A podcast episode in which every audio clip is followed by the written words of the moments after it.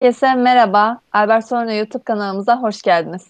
Bugünkü söyleşimizi departman bazlı yönetim danışmanlığı videomuzun devamı niteliğinde gerçekleştireceğiz.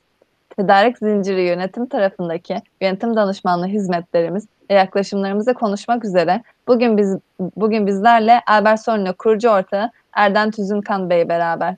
Merhaba Erden Bey, sizi tekrar burada görmek çok güzel. Çok sağ olun. Merhabalar Şevval Hanım. Aynı şekilde sizle tekrar bir sohbet gerçekleştirecek olmak harika bir duygu. Teşekkür ederim. Ben de teşekkür ederim Erdem Bey. Az önce de söylediğimiz gibi bugün tedarik zinciri hakkında konuşacağız. Tedarik zinciri yönetimin tanımına baktığımızda karşımıza müşteriye doğru ürünün doğru zamanda, doğru yerde, doğru fiyata tüm de, tüm tedarik zinciri için mümkün olan en düşük maliyetle ulaşmasını sağlayan malzeme, bilgi ve para akışını entegre yönetimi çıkıyor. Bu bağlamda işletmeleri tedarik zinciri yönetimi sürecinde nasıl bir yönetim danışmanlığı vermektesiniz? Tedarik zinciri denince müşterilerinizin aklına hangi departmanlar gelmeli? Bu süreçte Albert Sorunu olarak onlara neler kazandırıyorsunuz? Dilerseniz bunları öğrenerek söyleşimize de giriş yapmış olalım. Çok teşekkür ediyorum bu fırsatı bana verdiğiniz için. Ee, bir de gerçekten çok önemli bir konuya değindiniz. Tedarik zinciri e, günümüzde artık şirketlerin e, belki de satışla beraber odağına oturan e, süreç. Dolayısıyla tam da bugün bunu konuşacak olmaktan hele de Covid ve pandemi ortamı gibi tüm dünyayı saran bir süreçte tedarik zincirlerinin aksadığı birçok öngörülemeyen e, durumla karşı karşıya kaldığı bu dönemde eminim ki firmalarımız da müşterilerimiz de bu söyleşiden çok ciddi kazanımlar elde edeceklerdir. E, siz tedarik zincirinin tanımını çok güzel yaptınız. E, ben de olaya şu açıdan yaklaşmak isterim Şevval Hanım. Şimdi tedarik zinciri adı aslında kendisini ele veren bir tanım. E, tedariğin zincir hale gelmesi. Şimdi tedariğin zincir hale gelmesinde odağımızı müşteri olarak düşünecek olursak bir müşterinin bizden bir şey, bizim bir şirket sahibi olduğumuzu veya şirketin bir paydaşı olduğumuzu düşünelim. Müşterimiz bizden bir tedarik gerçekleştiriyor ve bunun akıp giden ve birbirine de bağlı olan zincirleme, birbirine bağlı olan aksiyonları, faaliyetleri, süreçleri var. İşte bir müşterinin siparişi vermesinden kendisine ulaşıp o işine yarayana kadar ki tüm süreçteki zincirler ki bunlar birbirine bağlı olan zincirler, biri diğerinin tamamlayıcısı olan zincirleri işte tamamına biz aslında tedarik zinciri diyoruz. Ee, burada özellikle şirketler, kurumlar tedarik zinciri e, denince aslında hani bu tanım gereği de e, satışın ben bu e, malı, ürünü, hizmeti e, müşteriye sattım dediği andan itibaren tedarik zincirinin saati çalışmaya başlar. Tık tık tık diye ilerlemeye başlar. Neler gelir? Sıradan hani ana süreçleri belki sayacak olursak bir kere e, ilk önce satın alma devreye girer. E, satın alma ile beraber üretim planlama veya genel anlamda planlama süreci devreye girer. Daha sonra bu ikisinin çıktılarıyla ürettiği çıktılarla beraber başlı başına bir ana süreç olan üretim devreye girer. Üretimle beraber üretimi tamamlayan kalite süreci, kalite güvence süreci devreye girer. Aynı şekilde üretimin akmasıyla beraber onu destekleyen bakım süreci devreye girer bakım ve kalite destekledi üretimi, üretim malını veya ürününü üretti ve onu bu sefer depolamaya aktardı. Depolama süreci devrede olur. E, ayrıyeten sevkiyat devreye girer. E, malı bu sefer müşteriye aktarmak için lojistik devreye girer. Hatta ve hatta lojistik aktardı, müşteri malı, ürünü, hizmeti aldı satış sonrası hizmetler diye tabir ettiğimiz müşteri memnuniyetine kadar giden hizmetlerin de aslında bir tedarik zinciri yönetimi başlığı olduğunu fark etmemizde fayda var diye düşünüyorum. Dolayısıyla hızlıca böyle alt alta sayacak olursak hangi departman ve süreçler aslında tedarik zinciri yönetimi başlığında düşünülmeli? Satın alma, üretim planlama, üretim, kalite, bakım, depolama, lojistik ve sevkiyat ve satış sonrası hizmetler tüm bu saydığım süreçler aslında günümüzde şirketlerin uyguladığı şekliyle tedarik zinciri yönetiminin birer alt başlığıdır, alt sürecidir. Dolayısıyla bugün burada e, bu tedarik zinciri yönetimine dair Albert Solino'nun danışmanlık faaliyetlerini konuşuyorken aslında bütün bu süreçlere değinen faaliyetlerimizi konuşuyor olacağız. E, günümüzde şirketlerimizde bizim özellikle Türkiye'de tabii ölçek ölçek değişmekle beraber tedarik zinciri kavramının e, bazı ana akım sektörlerde yoğun olarak kullanıldığını, örneğin otomotiv gibi, örneğin beyaz eşya gibi sektörlerde çok bilinen bir kavram olduğunu, fakat e, daha farklı örneğin makina gibi, gıda gibi, belki kimya endüstrisi gibi sektörlerde daha yeni yeni Türk firmalarının da Türk şirketlerinin de bu tedarik zinciri ve tedarik zinciri yönetimi mantığına aşina olmaya başladıklarını e, söylememiz yanlış olmaz herhalde. E, çünkü Türkiye'de baktığımız zaman hani müşterilerimiz bize nasıl geliyorlar? E, baktığımızda şöyle bir şey oluyor. Tedarik zinciri sözünü kullanarak gelen o kadar da fazla olmuyor işin aslı. Onlar ne diyorlar? Ben üretimimde şöyle şöyle sorunlar yaşıyorum. İşte üretimde tıkanıyorum, sürekli bir dar boğaz var veya işte büyümem gerekiyor ve büyürken yeni fabrika açmam gerekiyor. Ben bu fabrikayı nasıl yöneteceğimi bilmiyorum. Veya bu fabrikayla mevcut fabrikanın e, yeni fabrikayla eski fabrikanın senkronize bir şekilde nasıl çalışması lazım geldiğini kafamda oturtamıyorum.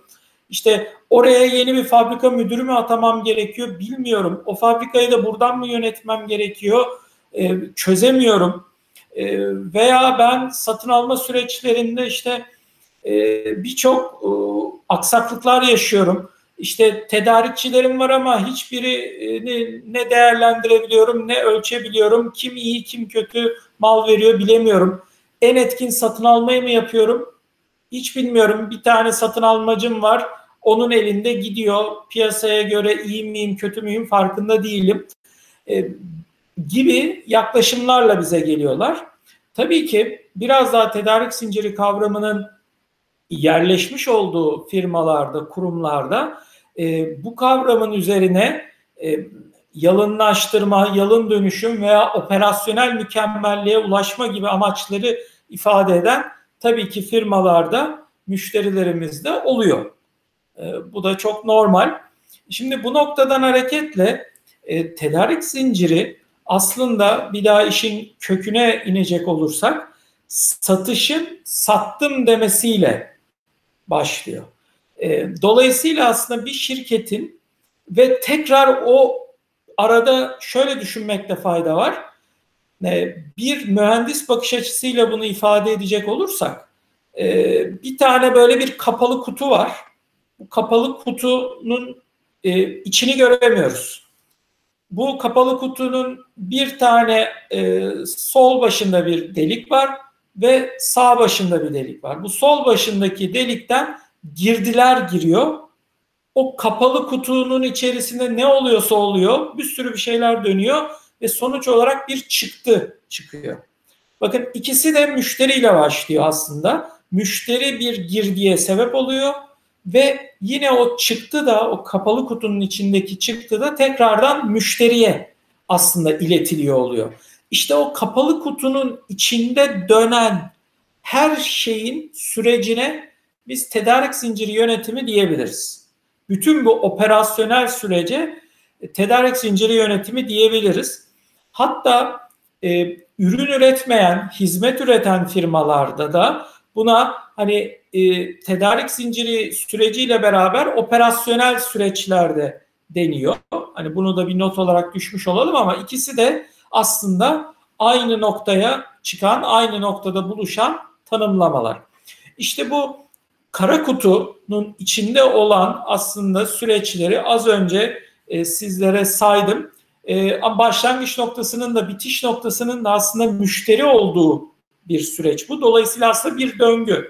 Sadece bir e, tek bir çizgi üzerinde ilerleyen bir şey değil. Çünkü müşterinin tekrar siparişi veya tekrar bir geri bildirimiyle aslında bütün o kara kutunun içerisindeki süreçler yani tedarik zinciri süreçleri tekrardan ve tekrardan ve sürekli iyileştirilmiş biçimde dönmeye başlıyor. İşte bu noktada e, firmalarımız, müşterilerimiz tabii ki bize başvuruyorlar e, ve hani belli tedarik zinciri yönetimi alanında nasıl bir yönetim danışmanlığı alabileceklerini soruyorlar. Veyahut da ben böyle böyle böyle problemler yaşıyorum. Üretimimde, satın almamda, kalitemde, e, depolama sistemimde veya tedarik zincirimin genelinde diyorlar ve buna nasıl bir çözüm üretebilirsiniz diye Albert Solino danışmanlığa soruyorlar. Bizim buna cevabımızı aslında dört ana başlıkta toparlayabiliriz. Bu başlıkları ilk önce hızlıca alt alta sayacağım anlaşılması kolay olsun diye. Sonra her birinin de detaylarına girmeye çalışacağım. E, bu dört sürecin ilki aslında tedarik zinciri operasyonel faaliyet modeli tasarımı. Birinci maddemiz bu. İkinci maddemiz stratejik satın alma süreçleri tasarımı veya bir başka ismiyle stratejik satın alma yönetimi tasarımı. E, üçüncü başlığımız tedarikçi performans yönetim sistemi tasarımı. E, dördüncü ana hizmet başlığımızda tedarik zinciri alanında operasyonel mükemmellik, tedarik zinciri, süreç ve iş akışı tasarımı. Dolayısıyla bu dört ana başlıkta aslında bütün o saydığım alt süreçlerin e, tasarımını, kurgulanmasını, iyileştirilmesini ve mükemmelliyete doğru e, götürülmesini sağlamaya çalışıyoruz. Albert Solino danışmanlık olarak ve yönetim danışmanlığı ekipleri olarak. Şimdi izninizle bunları ayrı ayrı başlıklar halinde açacağım. İlk önce tedarik zinciri operasyonel faaliyet modeli tasarımını konuşalım. Şimdi bu başlık e, adı üzerinde aslında tamamen bir operasyonel bir faaliyet modeli tasarlamak. Şimdi bunu anlamak için kendimize şu soru sormalıyız. Faaliyet modeli ne demek? Faaliyet modeli bir işletmenin, bir kurumun, bir şirketin tamamen nasıl faaliyet gösterdiğini yani bir başka ifadeyle nasıl çalıştığını tasarlamaktır. Ee, adı belki ilk başta çok anlaşılmaz gelse de aslında tamamen bu faaliyet adı altında tedarik zincirinin o şirkete özgü, o kuruma özgü, o işletmeye özgü nasıl çalışacağının tasarlanmasıyla ilgilidir. Peki bu ihtiyaç genelde bize nereden doğuyor? Yani müşterilerimiz bize biz bu konuda hizmet almak istiyoruz diye nasıl bir şikayet veya dertle geliyor? Şununla geliyor açıkçası. Genelde bu yapı e, tedarik zinciri kavramının tam oturmadığı firmalarda ortaya çıkıyor. Yani firmalarımız, şirketlerimiz bir düşünelim onların öyküsünü. Bir şekilde kurulurlar, bir kurucu vardır. İlk işlerini alırlar. Daha hani e, böyle defter usulü yürüyen işlerdir belki. Birkaç kişilik çalışanı vardır. O ilk satışını yapar, büyür işletme. İkinci bir makineyi alır, üçüncü bir makineyi alır. O faaliyet alanı yetmez. Daha büyük bir fabrika alanına geçer, departmanlaşır, farklı farklı departmanlar kurar. Ee, ilk başta çok ihtiyacı olmadığı yan hizmet departmanlarını kurar, insan kaynakları gibi, bilgi teknolojileri gibi vesaire ve büyümeye devam eder. Daha büyük siparişler alır, daha çok beyaz yaka ve mavi yaka çalışan istihdam eder. Buraya kadar her şey güzel. Peki bundan sonra artık rakamlar büyüdüğü zaman, fabrikalar büyüdüğü zaman hem bir fabrikanın kendi içinde hem de farklı lokasyonlarda oluşmaya başlayan üretim, depo, e, genel merkez, satın alma veya idari ofis teşkilatı gibi farklı lokasyonlardaki teşkilatlarda artık karmaşa başlar. Neyin hangi işin kim tarafından yapılacağını bilememe veya bir işin kime atanması gerektiğini bilememe, hangi fabrikanın neyi üretmesi gerektiğini en akılcı bir şekilde, en verimli, en optimum bir şekilde tasarlayamama ve tüm bunlardan dolayı da e, çalışanlarda huzursuzluk, e, teslimatların gecikmesi, müşteri şikayetlerinin iş teslim edememekten veya e, kaliteden dolayı artması, kalite problemlerinin sıklıkla yaşanmaya başlaması, müşterilerden e, ürün redlerinin gelmesi, reklamasyon sayılarının miktarlarının artması, müşterilerimizden e, üretmeleri gereken ürünlerde sözleşmeye bağlı e, şartları yerine getiremediğinden dolayı cezaların e, bizim müşterimize doğru kanalize edilmeye başlaması gibi faktörler sıklıkla bize e, tedarik zinciri operasyonunun faaliyet modelinin tasarlanması gerektiğini anlatır. Bakın kendimizi e, bir iş yeri sahibi, bir e, firma sahibi yerine koyacak olursak, firma sahibi bir e, kişi de bunu dinliyorsa eminim ki şunu de, demeyecektir. Benim şimdi gidip tedarik zinciri operasyonel faaliyet modelimi tasarlatmam lazım. Hemen hemen bize bunu diyen kimse olmadı biliyor musunuz Şevval Hanım? Bu şekilde gelen. Ama nasıl geldiler? Az önce saydığım gibi. Yani ben e, işim çok, her şey var, sipariş yağıyor ama ben boğuluyorum. Yani yetiştiremiyorum, teslim edemiyorum, üretemiyorum, kalite sıkıntılarım arttı. Eskiden bu kadar çok daha azken, çok kaliteli üretirken şimdi altında eziliyorum. Kişilere bağımlıyım, farklı lokasyonlarım var, yönetemiyorum onları diye şikayet ettiklerinde aslında Albert Solino'ya sizin bu konudaki çözümünüz ne diye sorduklarında bizim e, eğer şikayetler buysa bir doktor olarak reçetemiz kuvvetle muhtemel tedarik zincirinin operasyonel faaliyet modelini tasarlamaktır diyeceğiz. Peki gelelim e, bunu nasıl yapacağımıza. Burada da üç alt başlıkta her zaman olduğu gibi biz Albert Solino olarak böyle bir işi e, tasa, böyle bir işin yaklaşımımızı anlatıyoruz. O da şu, e, bir çok kısaca size bu konudaki danışmanlık yaklaşımımızdan bahsedeceğim. Bu konudaki çıktılarımızın ne olduğundan bahsedeceğim. Ve buna ulaşırken ki metodolojimiz ve kullandığım, kullanacağımız araçların ne olduğundan bahsedeceğim.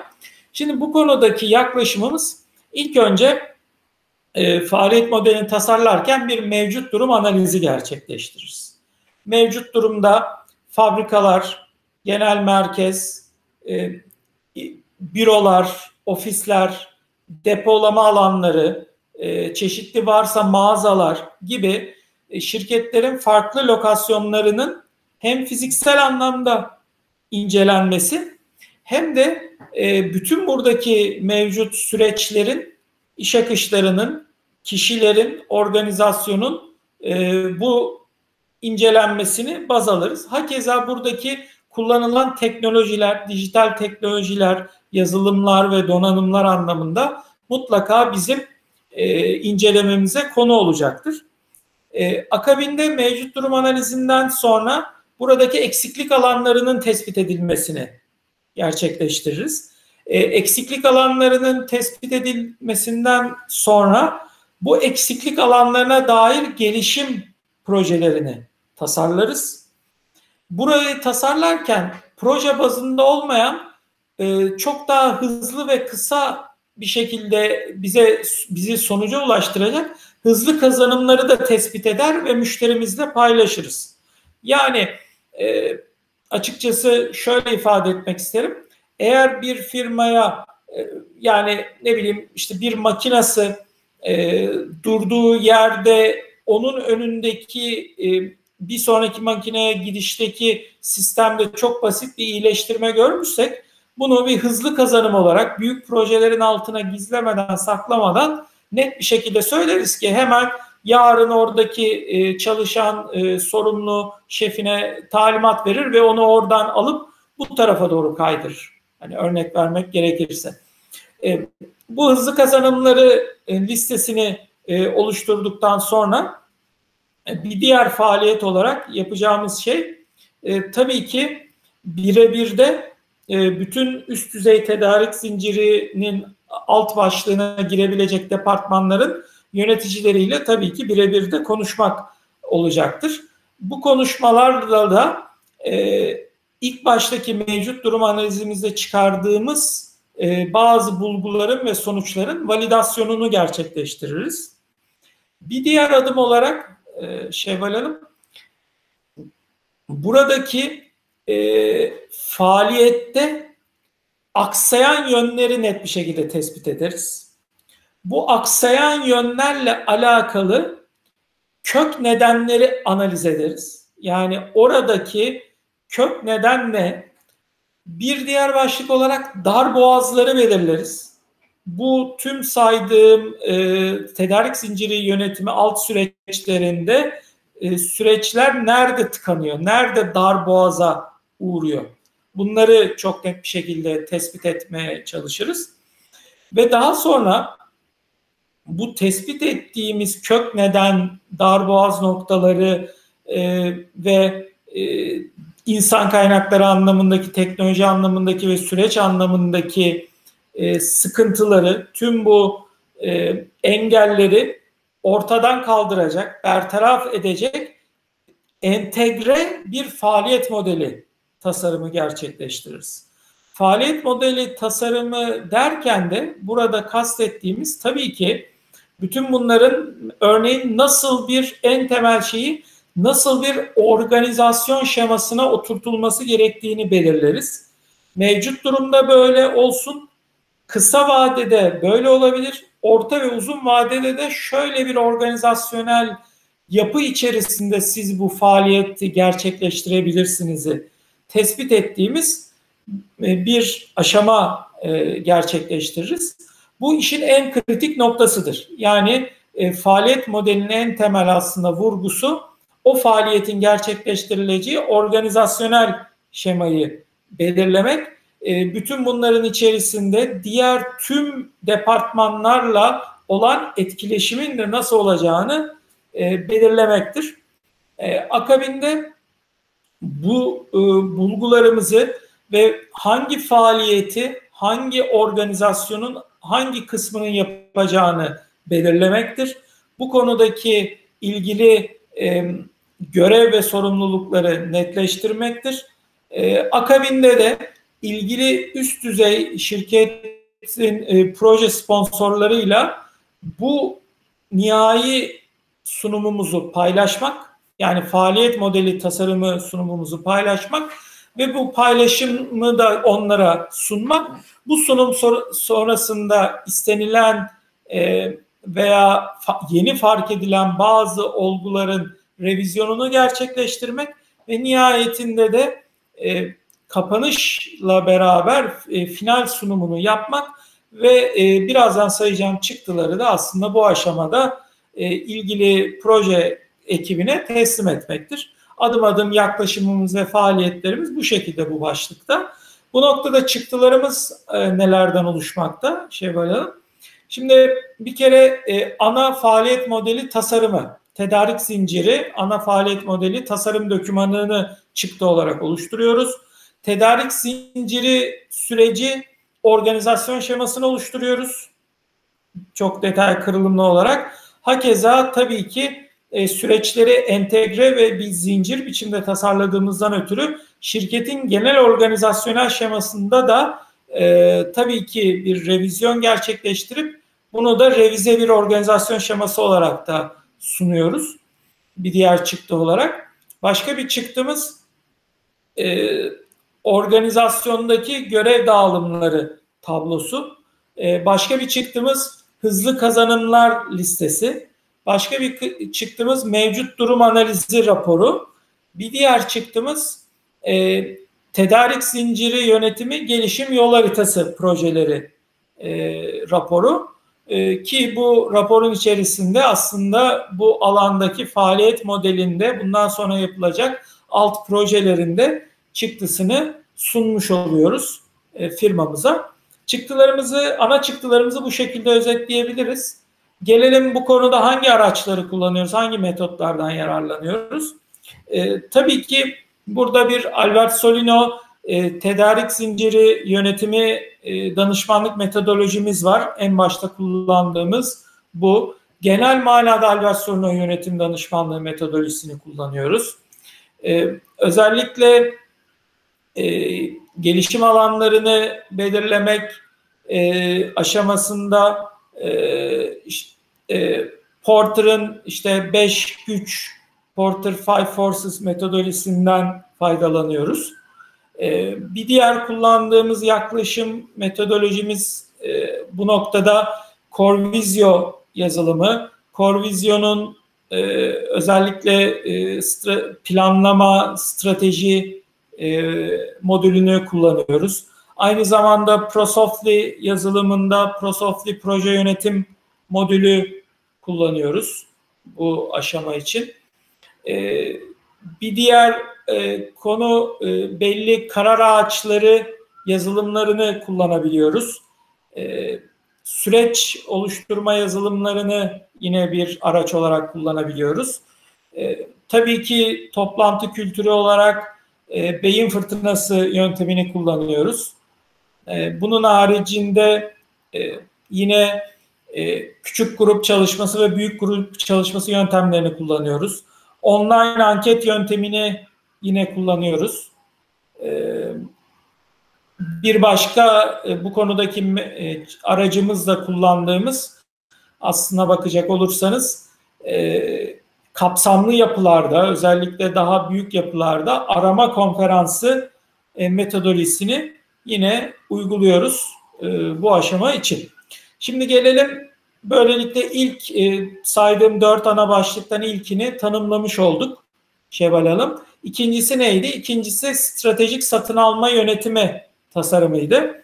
E, nedir bu? Burada kastettiğimiz. Burada bir şirketin, bir kurumun, bir işletmenin e, satın alma yaparken ki temel süreçlerinin tasarımını gerçekleştirmekten bahsediyoruz. Ee, bunun da tabii ki başında stratejik kelimesi olması boşuna değil. Ee, burada özellikle değere odaklanan alanlara yapıyoruz. Çünkü bizim için Albert Solino için stratejik demek aslında en çok değerin yaratıldığı yer demek. Stratejinin en çok etki ettiği, en hayati önem taşıdığı yer demek. Dolayısıyla biz e, stratejik satın alma yapılarını kurmaya, en çok değer yaratacak yere odaklanacak şekilde bunu yapmaya gayret ediyoruz bu başlık altında Şevval Hanım. Şimdi burada da e, satın alma yapısını aslında böldüğümüz zaman alt segmentlere üç ana yapıdan bahsedebiliriz. Talep süreci, onay süreci ve sipariş süreci aslında hem talep sürecinde hem onay sürecinde hem sipariş sürecinde yaptığımız e, yönetim danışmanlığı faaliyetleri bu başlık altına giriyor. Tabii bu noktaya şirketler ne, nereden geliyor? Yani bize böyle bir yapının kurgulanmasını çözüm olarak önereceğimiz durumlar nedir? Hangi şikayetlerle müşterimiz gelirse biz bunu öneririz. Genelde bu sorunun cevabını şöyle veriyoruz Şevval Hanım müşterilerimiz e, satın alma sürecinin iyi gitmediğini görüyor. Bunu nasıl hisseder? Bir, para kaybettiğini gördüğünde hisseder. Yani şirkette büyük satışlar dönüyordur, bir sürü ciro dönüyordur ama tabiri caizse kar edemiyordur. Yani kar edemiyorum şikayetinin aslında kök nedenlerinden birinin de yeri geldiği zaman firmada yapacağımız analizde bu olduğunu gözlemleyip buraya odaklanabiliyoruz. Yani kar edememesinin sebebi bazen stratejik satın alma yapılarını uygulayamamasından kaynaklanıyor. Başka bir kurgu e, ya tabiri caizse satın alma yaparken bunun iyi yönetilmediğini düşünüyor. veya bu işin başına koyduğu kişinin satın alma yöneticisinin aslında ya emin değilim doğru insan mı veya doğru yöntemle yapıyor mu? E, bunu bilemiyorum. Bunu rakiplerime de soramıyorum veya başkalarıyla da konuşamıyorum. Çünkü malum satın alma biraz e, şirketin kendi içinde kalan özel bir konudur. Kimse kimseye kolay kolay işte ben bunu bu şekilde satın alma yapıyorum. Şu firmadan alıyorum. İşte ve onu işte şöyle özel e, satın alma vadeleriyle e, alıyorum veya şu teslimat koşulunu zorunlu tutuyorum. Bir tek bana uyguluyor gibi böyle öz, kendine özgü bilgileri paylaşmaz. Bunlar hep gizler. Sorsanız da o firmaya üstü kapalı bir şeyler söyler. Bunlardan haberdar olamazsınız. Dolayısıyla müşterilerimiz de e, satın almayı doğru yapıp yapmadığını bilemiyor. Veya bazen alternatif tedarikçi nasıl geliştiririm diye geliyor. Hani e, bir tedarikçiye ana satın alma kalemlerinde bir tedarikçiye bağlıyım ve bu beni ürkütüyor diye gelebiliyor. Çünkü ya o tedarikçi bir anda işte giderse ben nasıl e, yaşarım veya beni çok zor, bir fiyata doğru iterse ben bu maliyet yapısını nasıl ürünüme yansıtabilirim? Yansıtamam, zarara geçerim. Dolayısıyla da e, gelin beni buradan kurtaracak bir çözüm öneri diye geliyorlar. Veya e, bende satın alma süreci çok kara düzen işliyor.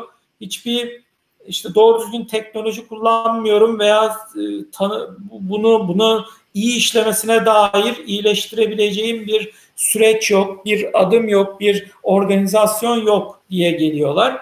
E, bu tarz şikayetleri sıklıkla duyuyoruz. E, veya mesela e, suistimaller duyabiliyoruz. E, mesela bu da önemli bir konu.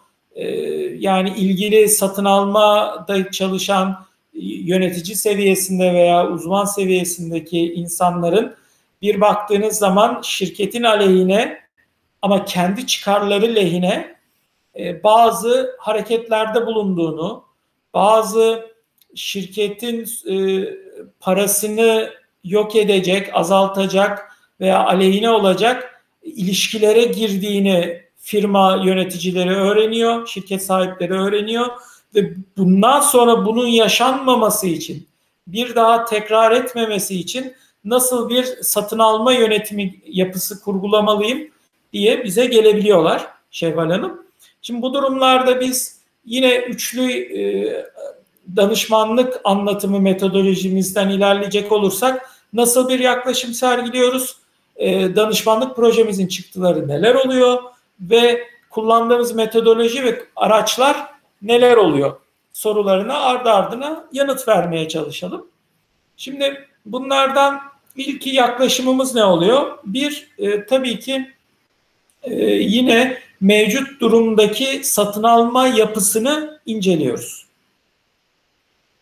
Bunu da e, üç ana başlıkta yapıyoruz e, bildiğiniz üzere. Teknolojiyle e, ilk önce insan kaynağı ve organizasyonu bakış açısıyla inceliyoruz. Sonra süreçler bakış açısıyla inceliyoruz. Sonra da teknoloji, kullanılan teknolojiler, yazılımlar bakış açısıyla inceliyoruz. E, bu incelememiz sonucunda e, sorunları, aksayan noktaları, dar boğaz noktalarını tespit ediyoruz. Tespit ettiğimiz yerdeki gelişim alanı olacak projeleri şekillendirmeye çalışıyoruz. Bu projelerin e, karşılıklı konuşarak e, validasyonunu şirket yetkilileriyle daha tasarım aşamasından önce e, gerçekleştiriyoruz. Ve bu satın alma süreçlerindeki talep, onay ve sipariş mekanizmalarının dünyadaki ve Türkiye'deki en iyi uygulama örneklerine göre firmanın da dinamiklerini hesaba katacak biçimde e, tasarımını gerçekleştiriyoruz. Dolayısıyla talep süreci, onay süreci ve sipariş süreci dediğimiz zaman bütün bunların nasıl şekillenmesi gerektiğini belirlediğimiz tamamen organizasyonel insan kaynağı süreç ve teknoloji bacağında tasarımlarını gerçekleştiriyoruz. Ve nihayetinde de bu tasarımı e, şirketin patronuna, üst yönetimine, genel müdürüne, icra kuruluna, yönetim kuruluna e, sunumunu gerçekleştiriyoruz ve bu sunumla beraber de bizden istenen veya karşılıklı beyin fırtınasıyla e, ek bir iyileşme alanı olarak belirlenen alanlardaki e, nihai geliştirmeyi de yaparak müşterimize bunu birazdan sayacağım çıktılar olarak teslim ediyoruz. Ve bu çıktılarımız neler? Bir, e, tabii ki e, bizim satın alma yönetim yapısı kurgusu. İki, satın alma yönetiminin e, her bir alt başlığında talep yapısı tasarımı dokümanı, onay, satın alma onay süreci yapısı dokümanı ve satın alma sipariş yönetim tasarım dokümanı. Bunlar çıktı olarak ortaya çıkıyor. Bir diğer çıktığımız mevcut durum analiz raporu ve bir diğer çıktığımızda tabii ki e, sorunların kök nedenleri tablosu. Yani buradaki satın alma yönetimindeki sorunların kök nedenleri e, analiz tablosu.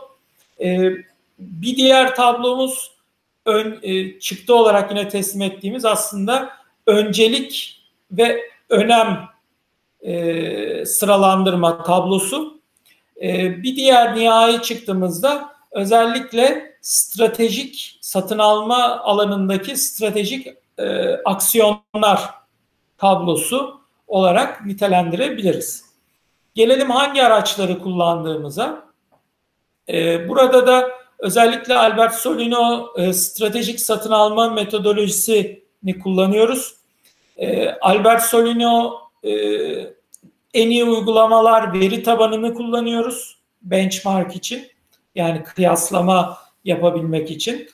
Ee, özellikle e, satın alma yönetiminde dünya genelindeki e, e, en iyi uygulamaları barındıran bazı veri tabanlarına da aynı zamanda üyeyiz. Dolayısıyla bu üye olduğumuz veri tabanlarını araç olarak kullanıyoruz.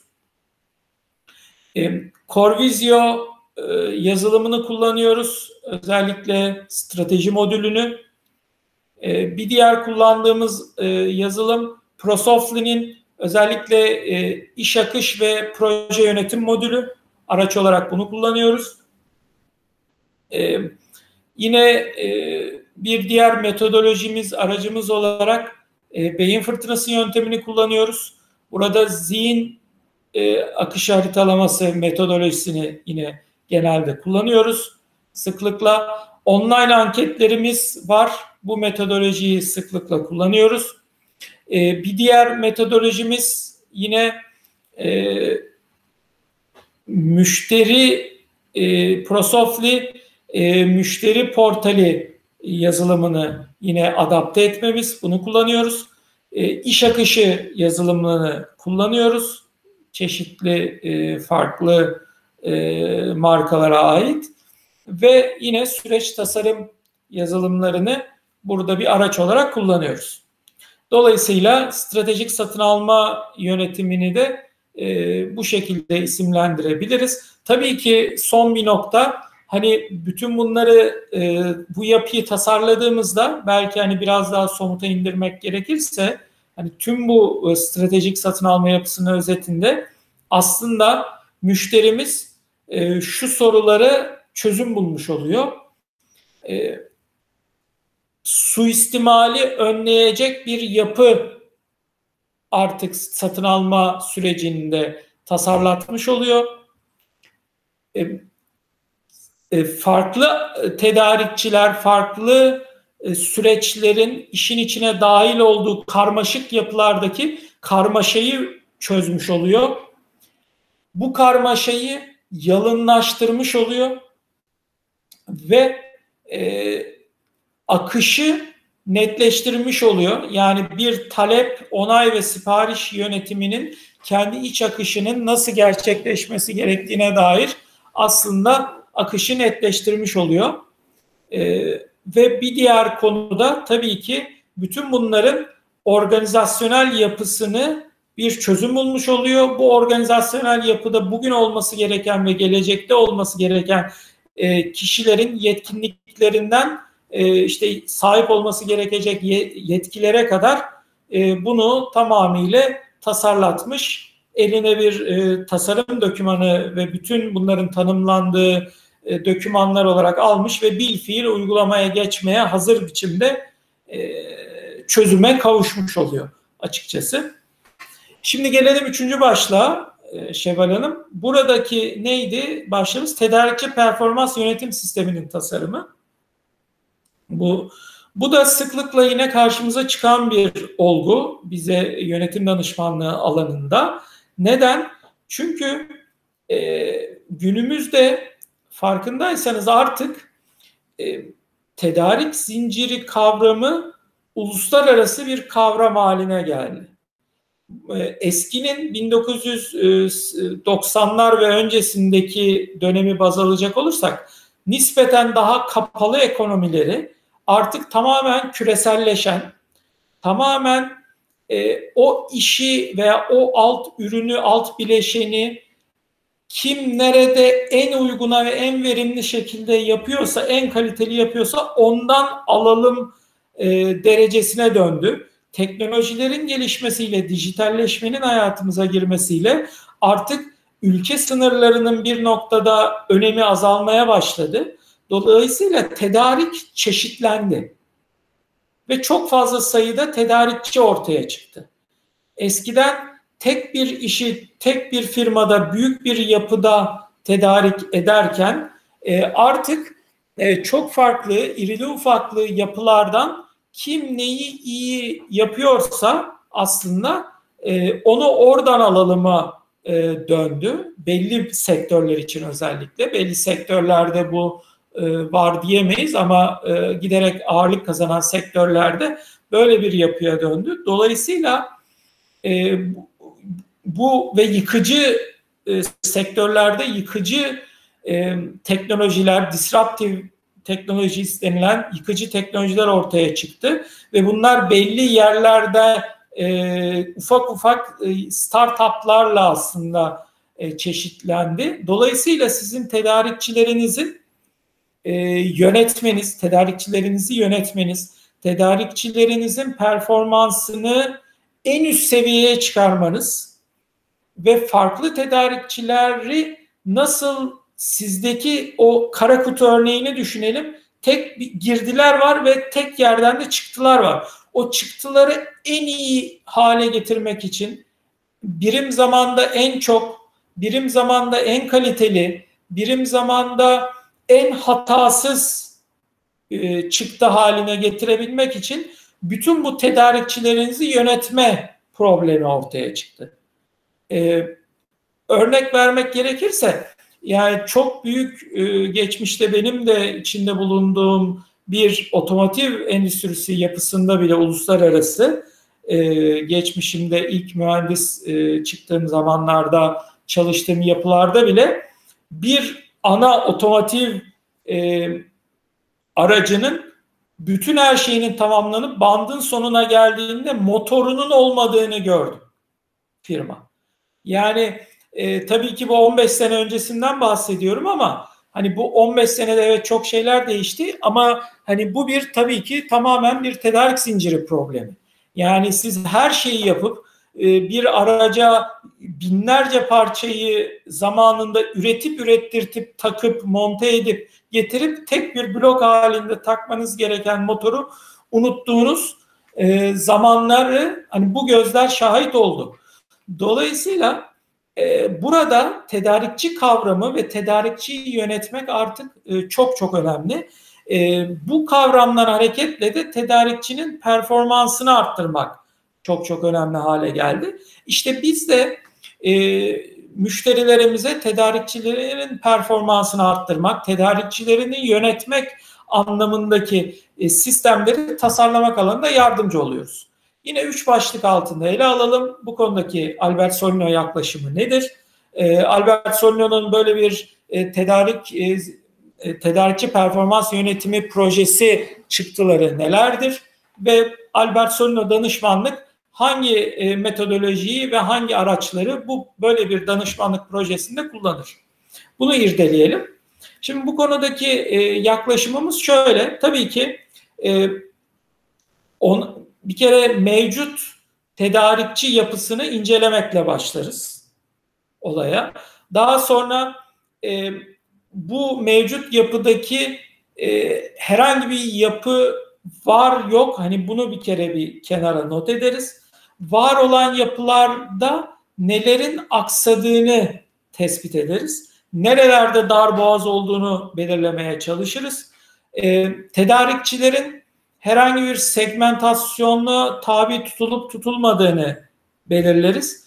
Bunu yaparken de özellikle e, satın alma departmanındaki yönetici ve uzmanlarla birebir e, görüşmeler yaparız.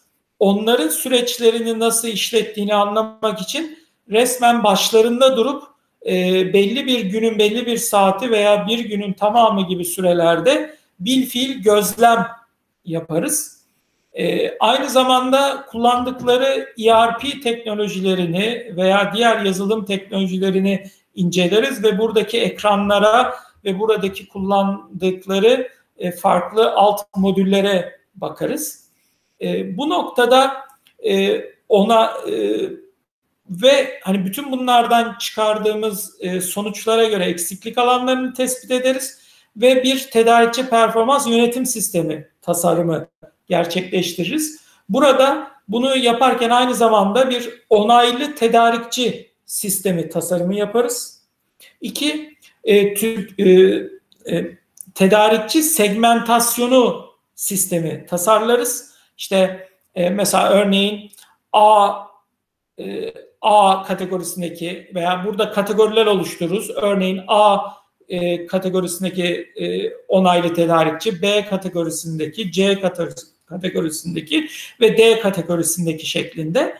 Aynı zamanda mesela bir tedarikçi performans değerlendirme e, kartını tasarlarız veya sistemini tasarlarız. Bunu da özellikle e, e, tedarikçinin performansı kri, alanındaki kriterler ne olmalı sorusuna cevap veririz. İki, tedarikçi değerlendirme kartındaki performansın e, kriterlerinin ağırlıkları ne olmalı? Bu soruya cevap veririz. E, bir tedarikçi performans kartındaki fiyat ve alt başlığındaki değerlendirme kriterleri ne olmalı? Bunu tasarlarız. Bu, bunun e, önceliği veya ağırlığı ne kadar olmalı? Bunu tasarlarız.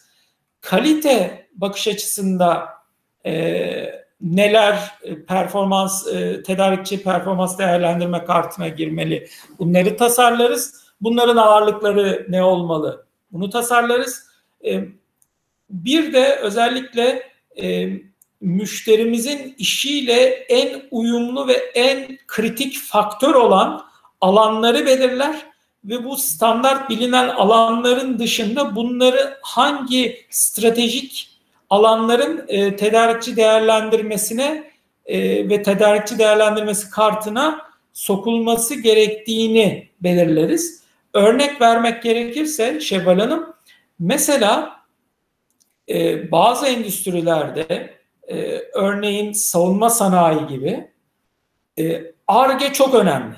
Yani ana tedarikçinin, ana savunma sanayi firmasının e, alt sanayilerine bir tedarikçi olarak iş verdiği zaman e, ana sanayinin hızına yetişebilmeleri gerekiyor alt sanayinin. Bunun için ARGE ve inovasyon yapma kapasitelerinin çok çok önemli olduğunu görüyoruz. E, bunun için mesela bir tedarikçi performans kartına böyle bir savunma sanayi endüstrisinin ARGE kapasitesini veya inovasyon kapasitesini ölçecek kriterler koyması çok hayati önemli olabilir. İşte biz mesela Albertson'a danışmanlık olarak böyle bir e, öncelik tespit ettiğimiz anda bu kriterlerin bir kere ARGE ve inovasyon alanında olması gerektiğini tespit etmiş oluyoruz. İki, ne olması gerektiğini tasarlıyoruz. Önem, öncelik sırasına göre tasarlıyoruz. Mesela bu bir başka endüstride tamamen mesela dijitalleşme ile dijitalleşme seviyesiyle alakalı olabilir. Çünkü e, artık öyle hale geldi ki endüstriye bazı endüstriler çok dijitalleşti ve bunu yine alt e, tedarikçi olarak ayak uyduramadığınız zaman e, maalesef aslında müşterinize hizmet edemez hale gelir ve e, artık onun ihtiyaçlarını karşılayamaz hale e, geliyorsunuz. Dolayısıyla bunu e, önlemek adına işte onun o sektör ve endüstri için sektör ve endüstri dikeyinde nelerin stratejik tedarikçi kavramına e, girdiğini belirleyip aslında bu alanlarda da doğru ölçümlemeyi ve doğru performans e, değerlendirmesini yapabilecek sistemleri tasarlıyoruz. Sadece bu değil, tabii ki biz e, amacımız burada performansı sadece ölçmek değil aslında performansı iyileştirmelerini sağlayacak sistemlerde tasarlamak. Ölçmek bir şey, yönetmek için ölçmek gerekir kesinlikle. Fakat yönetmek için ölçmek, ölçmek sadece veri sağlar. O veriyi nasıl analiz etmeniz gerektiği ve nasıl kullanıp ne gibi aksiyonlar alması gerektiğine dair de tedarikçi iyileştirme veya tedarikçi performans iyileştirme yöntemleri tasarlıyoruz veya firmamıza çözüm yolu olarak öneriyoruz.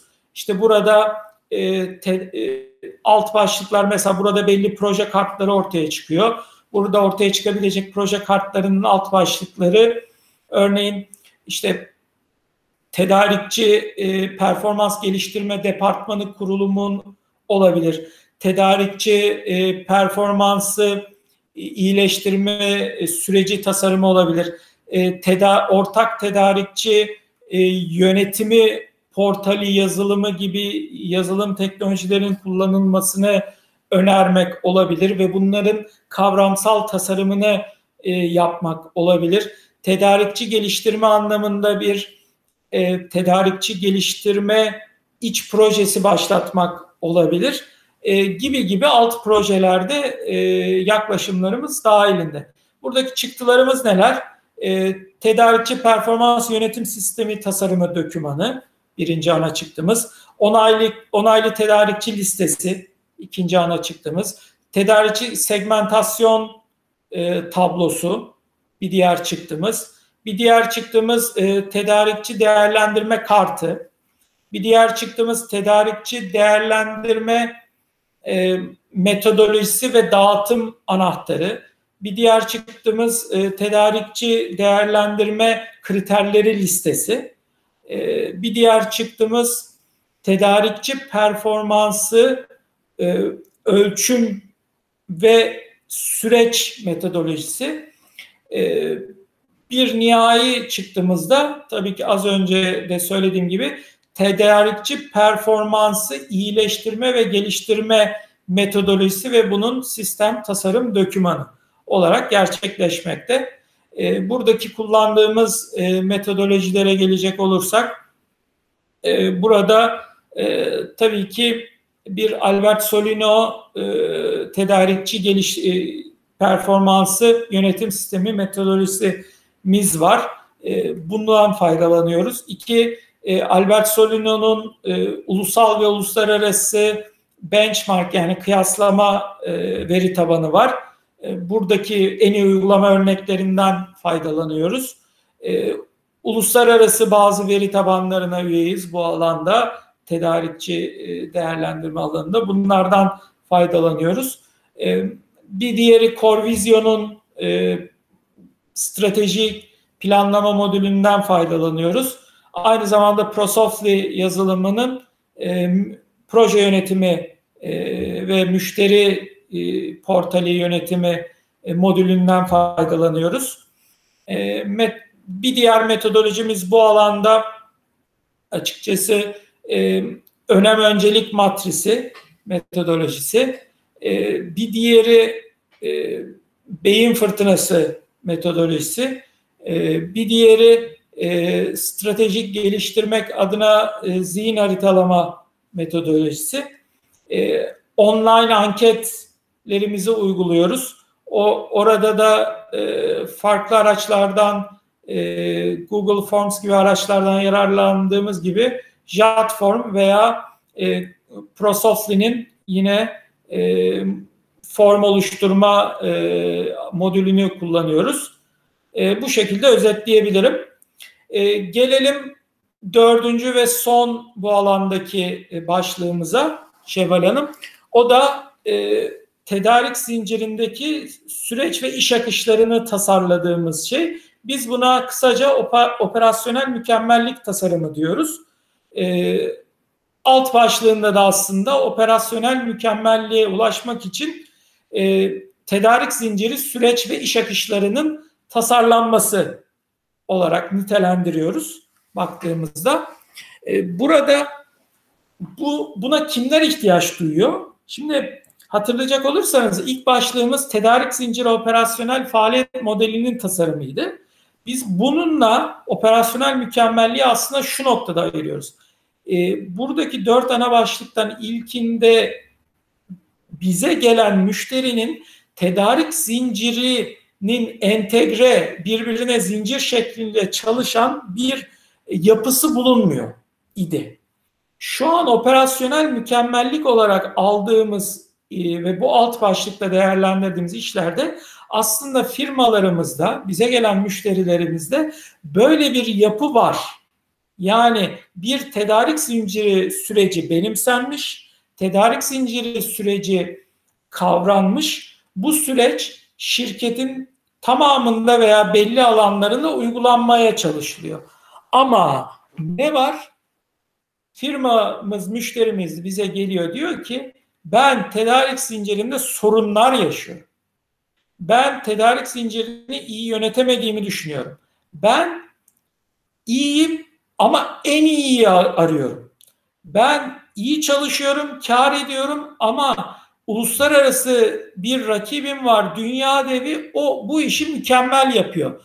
O mükemmel yaparken ben niye mükemmele ulaşmayayım?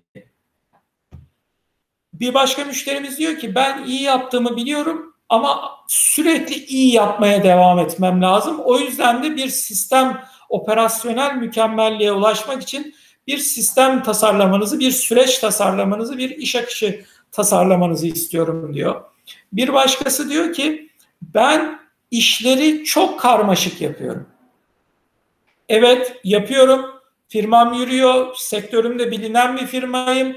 Ee, işte çeşitli ISO 500 listelerine, Kapital 500 gibi şeylere giriyorum. Hatta ara ara belki tedarik zinciri alanında ödüller bile alıyorum. Her şey çok güzel. Fakat aslında ben biliyorum ki operasyonel olarak eksikliklerim var. Operasyonel mükemmelliğe ulaşmış değilim. Özellikle de karmaşık alanlarım var. Karmaşanın yaşandığı tedarik zinciri başlıklarım var ve ben yalınlaşmak istiyorum veya ben işte kök nedenlere inip e, sistemin mükemmel işler hale gelmesini istiyorum diyor e, bu alandaki müşterilerimiz. O zaman biz ne yapıyoruz? E, bu e, böyle bir danışmanlık projesi olarak önümüze geldiği zaman pek tabii ki e, bu konudaki yaklaşımlarımız şöyle oluyor. Danışmanlık e, faaliyetlerimiz. E, birinci adımda operasyonel mükemmelliğin hedeflendiği tedarik zinciri alanını belirliyoruz firmamızda. Bu tedarik zincirinin tamamında mı bu kadar derinlikte bir çalışma e, isteniyor veya bu kadar bir ihtiyaç var? Yoksa tedarik zincirinin bir alt sürecinde mi? Örneğin depo yönetimi gibi. İlk önce bunu belirliyoruz. İkinci adım e, belirlenen süreci e, analiz ediyoruz ve her bir süreç adımını haritalamaya çalışıyoruz. E, bunu yaparken de tabii ki her bir alt iş birimini belirlemek liste olarak ve bu alt iş biriminin akışının nasıl olduğunu yani bir e, top var diyelim ki bir futbol oyunu bu top kimin ayağına geliyor o ayakta nasıl bir hareket kazanıyor ve sonra başka hangi oyuncuya pas atılıyor? Tabiri caizse bu al ver, al ver veya o kapalı kutuya girdi çıktı, girdi çıktı. İşte bunu nasıl yürüdüğünü her bir alt detay iş biriminde çok detaylı gözlemlerle ve analizlerle belirliyoruz. Daha sonra operasyonel mükemmelliğe ulaşmak adına nasıl yalınlaştırabiliriz bu iş akışlarını ve süreçleri? Bunu belirliyoruz. Ee, değer yaratmayan süreçleri elimine etmek, e, edecek yapıyı tasarlıyoruz. E, değere odaklanacak iş akışlarını belirtiyoruz. Tekrarlanan, gri alan barındıran veya değer üretmeyen iş akışlarını elimine ediyoruz. E, bütün bu değere odaklanmış süreç haritasını oluşturuyoruz. E, değere odaklanmış iş akışlarını oluşturuyoruz. E, dolayısıyla aslında bir değer akış haritalaması ortaya çıkmış oluyor e, ve kök nedenlerle ilgili yapılacak tüm aksiyonları hem hızlı kazanımlar olarak hem de e, gelişim alanları olarak belirlediğimiz e, yapıyı daha sonra da tasarlayıp hayata geçiriyoruz. E, kabaca yaklaşımımızı bu şekilde özetleyebiliriz. E, buradaki çıktılarımız neler? E, birincisi e, iş akışları tablosu ve listesi, iki süreç haritası, üç süreç tasarımları, her bir alt alt sürecin süreç tasarımları, dört e, değer akışı haritası, e, bir diğer e, çıktığımızda kök e, neden ve çözüm önerileri proje listesi olarak e, isimlendirebiliriz bu noktada. E, bu alanda kullandığımız metodolojiler ve e, kullandığımız araçlar neler? E, kesinlikle işte değer akışı haritalama metodolojisini kullanıyoruz. Yalın düşünme metodolojisini kullanıyoruz. E, kök neden analizi metodolojisini kullanıyoruz. Pareto analizini kullanıyoruz. E, beyin fırtınası yöntemini yine kullanıyoruz. E, bu noktada e, değer zinciri analizi metodolojisini kullanıyoruz. Albert Solino e, operasyonel mükemmellik e, metodolojisini kullanıyoruz. Albert Solino'nun en iyi uygulamalar, e, kıyaslama, benchmark, e, veri tabanını kullanıyoruz. E, Corvision'un e, bu noktada özellikle OKR e, modülünü kullanıyoruz. Prosoftly'nin e, proje yönetimi e, yazılımını kullanıyoruz. Yine Prosoftly'nin e, e, form oluşturma e, ve form tasarımı e, aracını kullanıyoruz. İş akışları için e, iş akışı yazılımı kullanıyoruz. Burada hem e, Corvision'un bir yazılımını bu alanda kullanıyoruz hem de e, Diagrams yazılımını süreç tasarımı yapmak için kullanıyoruz. E, buradaki metodolojilerimizi de böyle özetleyebilirim. E, bunu söyleyerek de sormuş olduğunuz aslında sorunun e, biraz uzun oldu ama e, cevabını verdiğimi düşünüyorum. Umarım dinleyenlerimiz de buradan e, bekledikleri e, detayda bir yanıt alabilmişlerdir. Sözü yine tekrar size vereyim Şevval Hanım. Teşekkürler Erdem Bey. Zaten faaliyetlerimiz, yani bakış açımız, metodolojilerimiz, çıktılar ve kullandığımız araçlar olarak anlattığınızda çok detaylı ve çok bilgi verici oluyor ve kafa karıştırmıyor bence. O yüzden çok teşekkür ederiz. Böylece söyleşimizin de sonuna gelmiş oldum Erdem Bey. Bugün tedarik zinciri yönetimi tarafındaki yönetim danışmanlığı hizmetlerimiz ve yaklaşımlarımızı Albert Solino kurucu ortağı Erdem Tüzünkan Bey ile konuştuk. Erdem Bey tekrar çok teşekkürler. Bize zaman ayırdığınız için çok sağ olun. Ee, ben de teşekkür ederim Şevval Hanım. Bu arada hani şu müjdeyi de vermiş olalım isterseniz dinleyenlerimiz ve izleyenlerimiz için. Ee, farklı departmanlardaki yönetim danışmanlığı süreçlerine dair videolarımız devam edecek. Albert Solino YouTube kanalına abone olarak bunu e, çok rahatlıkla takip edebilirler. Hatta bize yorumlarını iletirlerse aklımıza gelmeyen alanlarda, onların ihtiyaç duyduğu alanlarda da e, ki konulara da değinebiliriz memnuniyetle. Kesinlikle Erdem Bey. Onlara seyircilerimize de teşekkür ederim. O onları da unutmayalım. Eee, Erdem Bey'in dediği gibi bize ulaşabilirler, aşağıya yorum bırakabilirler. Herkese çok teşekkür ederim tekrardan ve tekrar görüşmek üzere.